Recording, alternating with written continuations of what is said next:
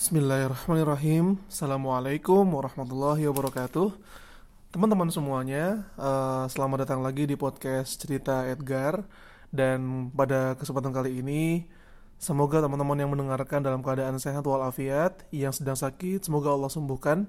Yang dalam perjalanan semoga Allah berikan keselamatan sampai di rumah. Yang sedang dalam masalah semoga Allah uh, selesaikan masalahnya.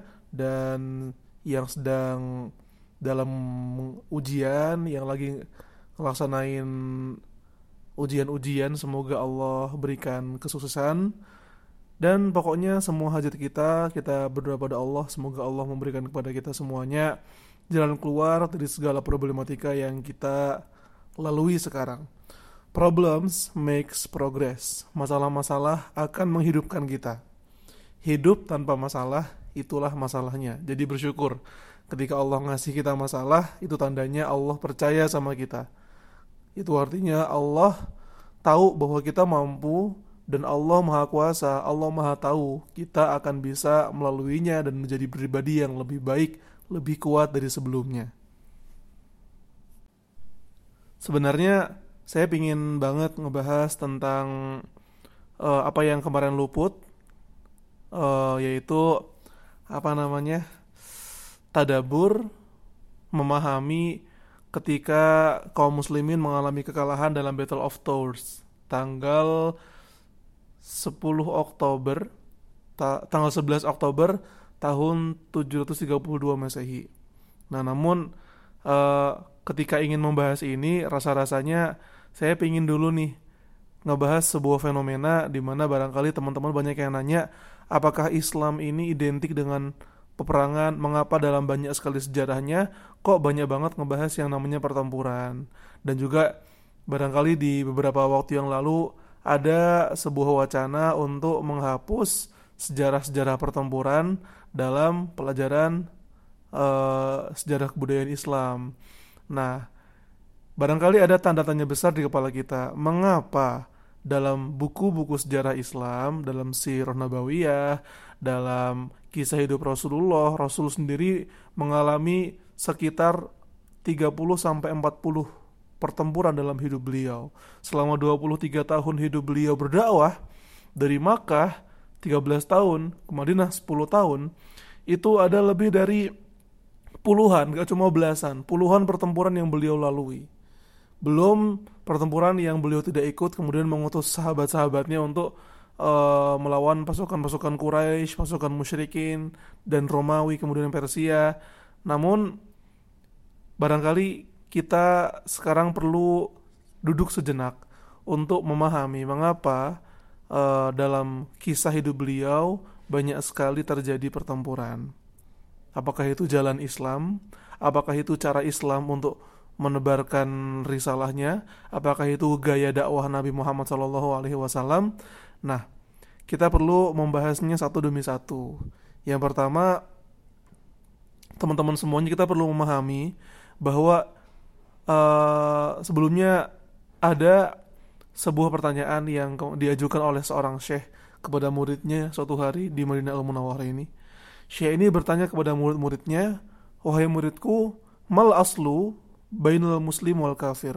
Aslul muamalah bainal muslim wal kafir. Apakah uh, interaksi yang asli antara muslim dan non muslim apa seharusnya yang menjadi uh, apa ya template?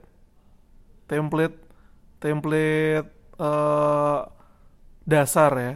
Default. Nah, default interaksi antara muslim dan non muslim kemudian ada yang menjawab uh, interaksi defaultnya antara kita sama non muslim adalah pertempuran saat permusuhan ya Syekh. Syekh ini menjawab tidak, beliau menggelengkan kepala. Namun kemudian ada lagi yang menjawab sebaliknya, ya Syekh, uh, default interaksi kita dengan muslim adalah dengan ukhuwah, dengan persaudaraan dan kasih sayang. Syekh juga tidak mengangguk dan tidak pula menggeleng. Beliau menunggu jawaban yang paling tepat. Ternyata setelah tidak ada lagi yang bisa menjawab, Syekh berkata, Al-aslu fi muamalati bainal muslim wal kafir ad-da'wah.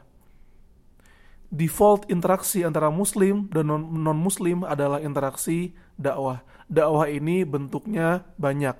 Jangan pernah kita salah artikan dakwah itu adalah mengajak orang dengan kata-kata, ayo asyhadu alla ilaha illallah anna muhammadar rasulullah ya kan. Banyak sekali cara-cara dakwah. Uh, al jihadu anwa, fan nasru anwa. Yang namanya dakwah itu karena interaksinya berbeda-beda dan juga modelnya berbeda-beda, maka kemenangan pun juga berbeda-beda. Ada kemenang kalau dakwahnya dalam segi militer, makanya kemenangannya kemenangan pertempuran. Kalau dakwahnya dari segi uh, individu, maka kemenangannya adalah uh, seseorang menerima Islam atau seseorang merasa nyaman dengan keadaan atmosfer kemusliman di sekelilingnya, uh, ketika kita berdakwah dalam segi ekonomi, bentuk kemenangannya adalah dagangan kita, bisnis kita bisa memberi manfaat kepada orang, manfaat yang bisa juga uh, memberikan manfaat lebih untuk umat Islam. Karena memang dakwah ini modelnya ada banyak, maka jenis kemenangan dakwah pun ada banyak. Sampai di sini kita perlu memahami ya bedanya uh, bukan bedanya. Jadi dakwah itu aslinya seperti apa? Itulah mengapa teman-teman semuanya kalau misalkan ada orang yang nanya apakah dakwah Rasul selama 23 tahun ini semuanya pertempuran, kita lihat pertempuran itu barangkali memang ada 23. Kalau misalkan dihitung dari awal sampai akhir kelihatannya banyak. Namun usia beliau dalam berdakwah itu 23 tahun. Masa seluruh hidupnya buat perang terus? Kan enggak. Ya kan? Jadi kalau misalkan ada yang bilang seluruh hidup Rasul itu isinya pertempuran semua, berarti Islam ini agama perang. Tidak, sama sekali tidak. Pertempuran itu hanya bahkan dalam 23 sampai 24 pertempuran uh, ditambah dengan syariah bisa 40-an pertempuran, banyak sekali pertempuran yang tidak ketemu sama musuhnya. Itu aslinya seperti itu. Banyak sekali syariah-syariah atau ekspedisi pertempuran yang dikirim, di, yang dikirim oleh Rasul dan uh, mengangkat sahabat sebagai pimpinannya menuju ke negeri-negeri yang memusuhi Islam namun tidak berakhir dengan pertumpahan darah. Dan justru pertempuran-pertempuran dalam Islam dan di zaman itu secara umum adalah pertempuran yang memang tidak terlalu memakan darah, ada adab-adabnya. Jadi siapa pun yang mengira bahwa Islam adalah agama perang, maka perlu melihat si roh nabawiyah lebih jauh bahwa model dan metode dakwah itu berbeda-beda. Rasul sendiri dakwah individunya lancar, dakwah ke keluarganya makmur, dakwah ke sahabat-sahabatnya mantap, dakwah ke secara delegasi mengirim surat ke raja-raja oke. Okay. Namun kemudian ada sebuah kondisi di mana ketika kaum muslimin ingin berdakwah, ingin mengajak orang, ingin mengajak sebuah kaum, kaum ini malah bukannya menerima dengan lapang dada atau minimal menyambutnya dengan senyuman, eh malah mengancam dengan membunuh para utusan. Dan ini banyak sekali. Ada sahabat-sahabat yang diutus secara damai, secara diplomasi, jadi ada misi diplomasi menuju ke sebuah kaum. Contoh dalam ekspedisi Bi'ru Ma'unah, ada sahabat yang diutus ke sebuah desa, 70 sahabat. Sampai di desa itu mereka semuanya dibunuh, tinggal dua orang. Subhanallah kan? Inilah yang membuat kemudian masa sih kaum muslimin diam-diam aja? Masa sih Rasulullah apa namanya merespon segala keadaan ini dengan ah udahlah. Barangkali kita hanya butuh terus berkasih sayang. Gak bisa kayak gitu juga. Islam itu mencintai perdamaian. Namun perdamaian tanpa keadilan adalah ilusi. Kata siapa itu? Kata Abdurrahman Wahid, kata Gus Dur ya kedamaian tanpa keadilan adalah ilusi. Sebagaimana keadilan itu tercipta kalau semua orang hak dan kewajibannya terlaksanakan dan juga dia mendapatkan haknya. Kalau misalnya ada orang yang berdakwah, yang menyampaikan kebenaran, menyampaikan uh, pendapatnya, menyampaikan argumennya, menyampaikan dalil dan menyampaikan risalah, kemudian dia dibunuh, kemudian dia dihalangi, kemudian dia dirintangi, maka cara dakwahnya adalah dengan ya bertempur atau berperang.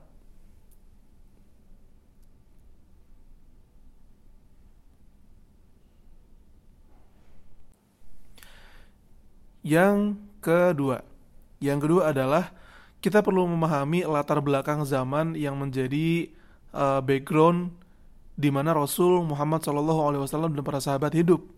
Ya, jadi uh, memang kita perlu mengambil sejarah, istintaj minat tarikh, mengambil nilai, mengambil hikmah dari sejarah untuk kita hari ini. Namun tentu ada banyak sekali eh, hal-hal uh, yang berbeda secara budaya, secara interaksi antara hari ini dan di zaman dulu di zaman Rasulullah belum ada nation state, belum ada PBB, belum ada uh, aturan hak asasi manusia, ya kan?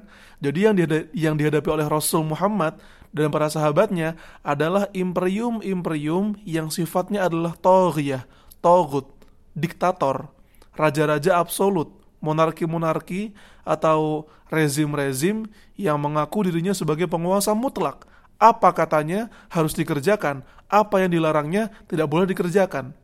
Bahkan dalam beberapa kasus, beberapa raja mengklaim dirinya sebagai Tuhan, mengklaim dirinya sebagai dewa, sehingga rakyat dari kerajaan-kerajaan di masa Rasul ada itu lebih menjadi budak atau hamba bagi rajanya dibanding rakyat yang bisa menjalankan kewajiban dan menuntut haknya. Ini terjadi di masa ketika Rasul Muhammad SAW hidup.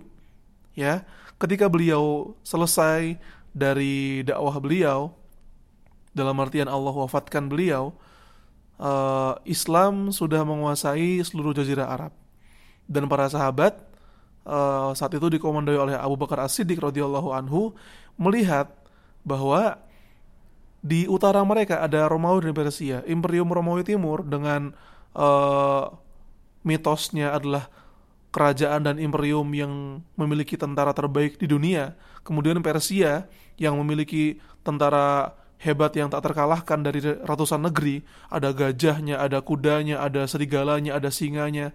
Mereka benar-benar apa namanya? mewah sekali dalam hal ketentaraan. Dua imperium itu ada di utara kaum muslimin, sementara Rasulullah Shallallahu alaihi wasallam ketika beliau menyebarkan risalahnya, risalah Islam itu diperuntukkan bukan hanya untuk orang Arab saja. Risalah ini harus dilanjutkan ke seluruh penjuru dunia. Din ma amr ma nahar. Sungguh perkara ini yaitu Islam akan mencapai apa yang dicapai oleh timur dan barat. Ah, apa yang dicapai oleh malam dan siang. Jadi Abu Bakar As-Siddiq dan para sahabat memutuskan untuk mengirim delegasi-delegasi dakwah menuju Romawi dan Persia. Namun kemudian mereka mendapati sebuah realitas.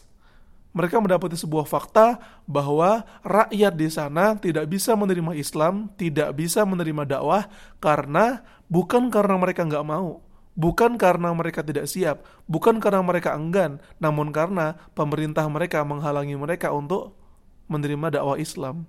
Jadi sebutlah sederhananya, ada fasil, ada dinding ada dinding pemisah antara dakwah Islam dan umat dan manusia dan umat manusia seluruhnya. Dinding itu bernama diktatorisme. Para raja-raja yang zalim, para pemerintah yang uh, menganggap rakyatnya sebagai budak. Nah, di situlah kemudian Abu Bakar As-Siddiq dengan para sahabat-sahabat generasi terbaik saat itu memutuskan untuk melakukan ekspedisi-ekspedisi militer menuju ke Romawi dan Persia bukan untuk menjajah negara-negara mereka. Bukan untuk uh, menghancurkan imperium Romawi dan Persia. Bukan untuk memperbudak rakyat-rakyatnya. Namun untuk maizalatul fasil, menghilangkan dinding pemisah antara dakwah dan umat manusia. Pada kenyataannya, dalam adab-adab pertempuran, kaum muslimin tidak boleh membunuh uh, para penduduk yang tidak memerangi mereka. Kaum muslimin tidak diperbolehkan untuk menebang pohon bahkan. Tidak boleh membunuh para biarawan atau ahli agama di uh, tempat ibadahnya tidak boleh membunuh wanita, tidak boleh membunuh anak-anak, tidak boleh membunuh orang tua, hanya boleh membunuh pasukan yang memerangi mereka. Itu pun ada adabnya. Tidak boleh memutilasi, uh, tidak boleh apa namanya membunuh dengan beringas, bunuh dengan cara yang baik, bahkan membunuh pun Islam memiliki adabnya untuk memerangi dan melawan dengan cara yang baik. Nah, setelah pemerintah-pemerintah diktator ini runtuh, kemudian apakah kaum muslimin memaksa orang buat masuk Islam? Nyatanya tidak. Kaum muslimin tidak pernah memaksa penduduk-penduduk setempat untuk masuk Islam. Karena semua sudah hafal firman Allah, la ikraha fiddin. Tidak ada paksaan untuk beragama Islam. Qad tabayyana rusdu minal Karena emang uh, sudah menjadi SOP ya, standar operasional prosedur. Tidak boleh kita memaksa orang untuk bersyahadat sehingga dia merasa apa namanya uh, mukroh terpaksa buat masuk ke agama Islam namun dia masih saja ada dalam kekufurannya. Biarkan orang mau Islam atau tidak, justru ketika membebaskan kota-kota dan negeri-negeri, para sahabat kaum muslimin saat itu menggambarkan akhlak mulia yang sebelumnya tidak digambarkan oleh penguasa-penguasa mereka. Penguasa mereka ini sebagai contoh ya ketika Rasulullah Muhammad diutus dan uh, Islam belum sampai ke Persia, orang itu kalau mau masuk ke istana raja Kisra Persia, mereka ini harus membuat jarak dengan rajanya sekitar 20 meter. Kemudian uh, antara sang rakyat dan sang raja dipisah dengan kain hijab. Kain hijab yang kenapa dikasih kain hijab? Karena takut kutu-kutu dan bakteri yang ada di rakyat itu menyentuh raja. Itu adat Persia. Kemudian kalau mau menemui raja harus membungkuk, harus bersujud, harus memuji-muji raja. Kemudian apa kata raja harus dipatuhi, seluruh kekayaannya tidak miliknya tapi milik rajanya. Ketika Islam datang, subhanallah, semuanya berubah drastis. Mereka merasakan keadilan justru. Mereka merasakan keharmonisan. Mereka merasakan jarak antara orang kaya dan orang miskin menjadi hilang. Jarak antara penguasa dan rakyat hilang. Jadi mereka merasakan keadilan, kesetaraan, kemerdekaan yang sejati. Itulah mengapa Seseorang bertanya pada Dr. Rokib Sirjani ketika kaum muslimin datang ke Spanyol tahun 711. Wahai dokter, wahai syekh, kenapa kaum muslimin ini uh, dipimpin oleh Tariq bin Ziyad hanya berbekal 5.000 pasukan? Walaupun ketika membebaskan satu persatu kota Spanyol 12.000 ya. Namun ketika 12 ribu ini menaklukkan satu persatu kota, setiap kota ini hanya dijaga oleh 100 prajurit, 20 prajurit, 50 prajurit. Namun orang-orang Spanyol tidak melakukan perlawanan padahal mereka jumlahnya lebih banyak. Mereka pun memiliki persenjataan yang lebih baik. Namun mengapa mereka malah tidak memberikan perlawanan kepada kaum muslimin?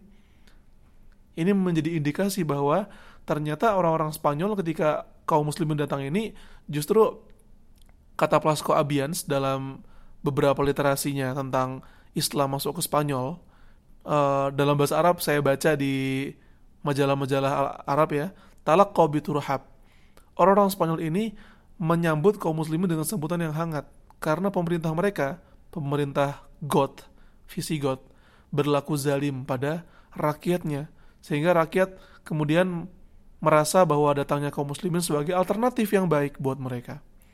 Nah, jadi subhanallah uh, terlihat dan memang terasa sekali ketika kaum muslimin membebaskan sebuah negeri tujuannya buat menyebarkan keadilan dan tujuan utamanya bahkan bukan untuk mengumpulkan kekayaan. Kaidahnya orang-orang, kerajaan-kerajaan para pemimpin-pemimpin ketika memasuki sebuah negeri, ketika menduduki sebuah negara, sebagaimana dituturkan oleh dalam Al-Quran, Innal muluka idha dakhalu qaryatan afsaduha. Ketika raja-raja memasuki sebuah negeri, mereka akan menghancurkannya. Waja'alu a'izzata ahliha adillah. Dan mereka akan menjadikan penduduk-penduduknya yang tadinya berwibawa menjadi terhina. Ini dua poin kaidah bukan kaidah ya seperti sunnah seperti sunatullah sunatullah itu apa ya uh, sebuah realitas yang terjadi ketika para pemimpin ketika para raja-raja masuk dan menduduki sebuah negeri mereka menghancurkannya dan mereka menjadikan rakyatnya sebagai orang-orang yang hina. Namun sepanjang saya membaca sejarah Islam sejak zaman Rasul Muhammad Shallallahu Alaihi Wasallam sampai kekhalifahan Utsmaniyah tidak pernah kaum muslimin melakukan hal-hal semacam pembantaian, kemudian perusakan atas rumah-rumah ibadah atau memaksa rakyatnya untuk masuk Islam tidak pernah ada yang seperti itu sepanjang saya membaca sejarahnya secara umum mulai dari zaman Rasul, uh, Khilafah Ar-Rashidah, Bani Umayyah, Bani Abbasiyah, kemudian Imam Malik, kemudian ada Adarisah, ada Murabitun, ada Muwahidun, ada Umayyah II di Spanyol, kemudian Utsmani dan sampai hari kita hari kita yang sekarang. Justru malah yang menggambarkan imperialisme, penjajahan, memperbudak penduduknya, dijual ke negara lain, mengumpulkan harta. Siapa itu? glory, gold, gospel, siapa itu? Apakah kaum muslimin? Saya kira tidak, teman-teman semuanya sudah pernah membaca. Bukan kita yang melakukannya. Jadi jangan pernah ajarkan umat Islam tentang cara menghargai nyawa manusia. Sepanjang sejarah kita lebih menghargai nyawa manusia dibanding mereka yang sekarang sedang menjunjung tinggi dan menyuarakan hak asasi manusia. Sehingga uh, eh, LGBT kemudian dihalalkan, dimarakkan, disosialisasikan, padahal yang seperti itu bukan menjaga nyawa manusia. Yang seperti itu adalah mematikan peradaban manusia. Andaikan para LGBT ini marak, perempuan sama perempuan, laki sama laki-laki, akan mematikan angka kelahiran sebuah negara, akan mematikan naluri orang-orang yang ada di dalamnya, akan mematikan rasa kemanusiaan dan akan menghancurkan rasa cinta yang sejati. Rahmah, kasih sayang akan hilang. Karena yang seperti itu adalah virus, itu penyakit ya. Saya sampai sekarang sebagaimana Al-Qur'an titahkan dan Allah titahkan dan Rasul titahkan LGBT adalah sesuatu yang Islam sama sekali tidak menyiasati untuk diterima oleh akal kepala kita. Itulah teman-teman semuanya gambaran singkat. Ketika ada yang bertanya apakah Islam agama perang, kita menjawabnya dengan dakwah itu berbagai macam, berbagai model, dakwah dengan individu, dakwah dengan bangsa, dakwah dengan umat. Namun dalam dakwah sering kali ada eh, tembok-tembok yang berusaha memisahkan antara kita dan orang yang ingin didakwahi. Maka fungsi dari jihad ini, fungsi dari ekspedisi dan ekspansi yang Islam lakukan ini, tujuannya bukanlah untuk memperbudak rakyatnya, namun untuk menghilangkan tembok antara dai dan orang yang ingin didakwahkan. Barangkali itu yang bisa kita flurkan sama-sama. Sampai jumpa di lain kesempatan. Assalamualaikum warahmatullahi wabarakatuh.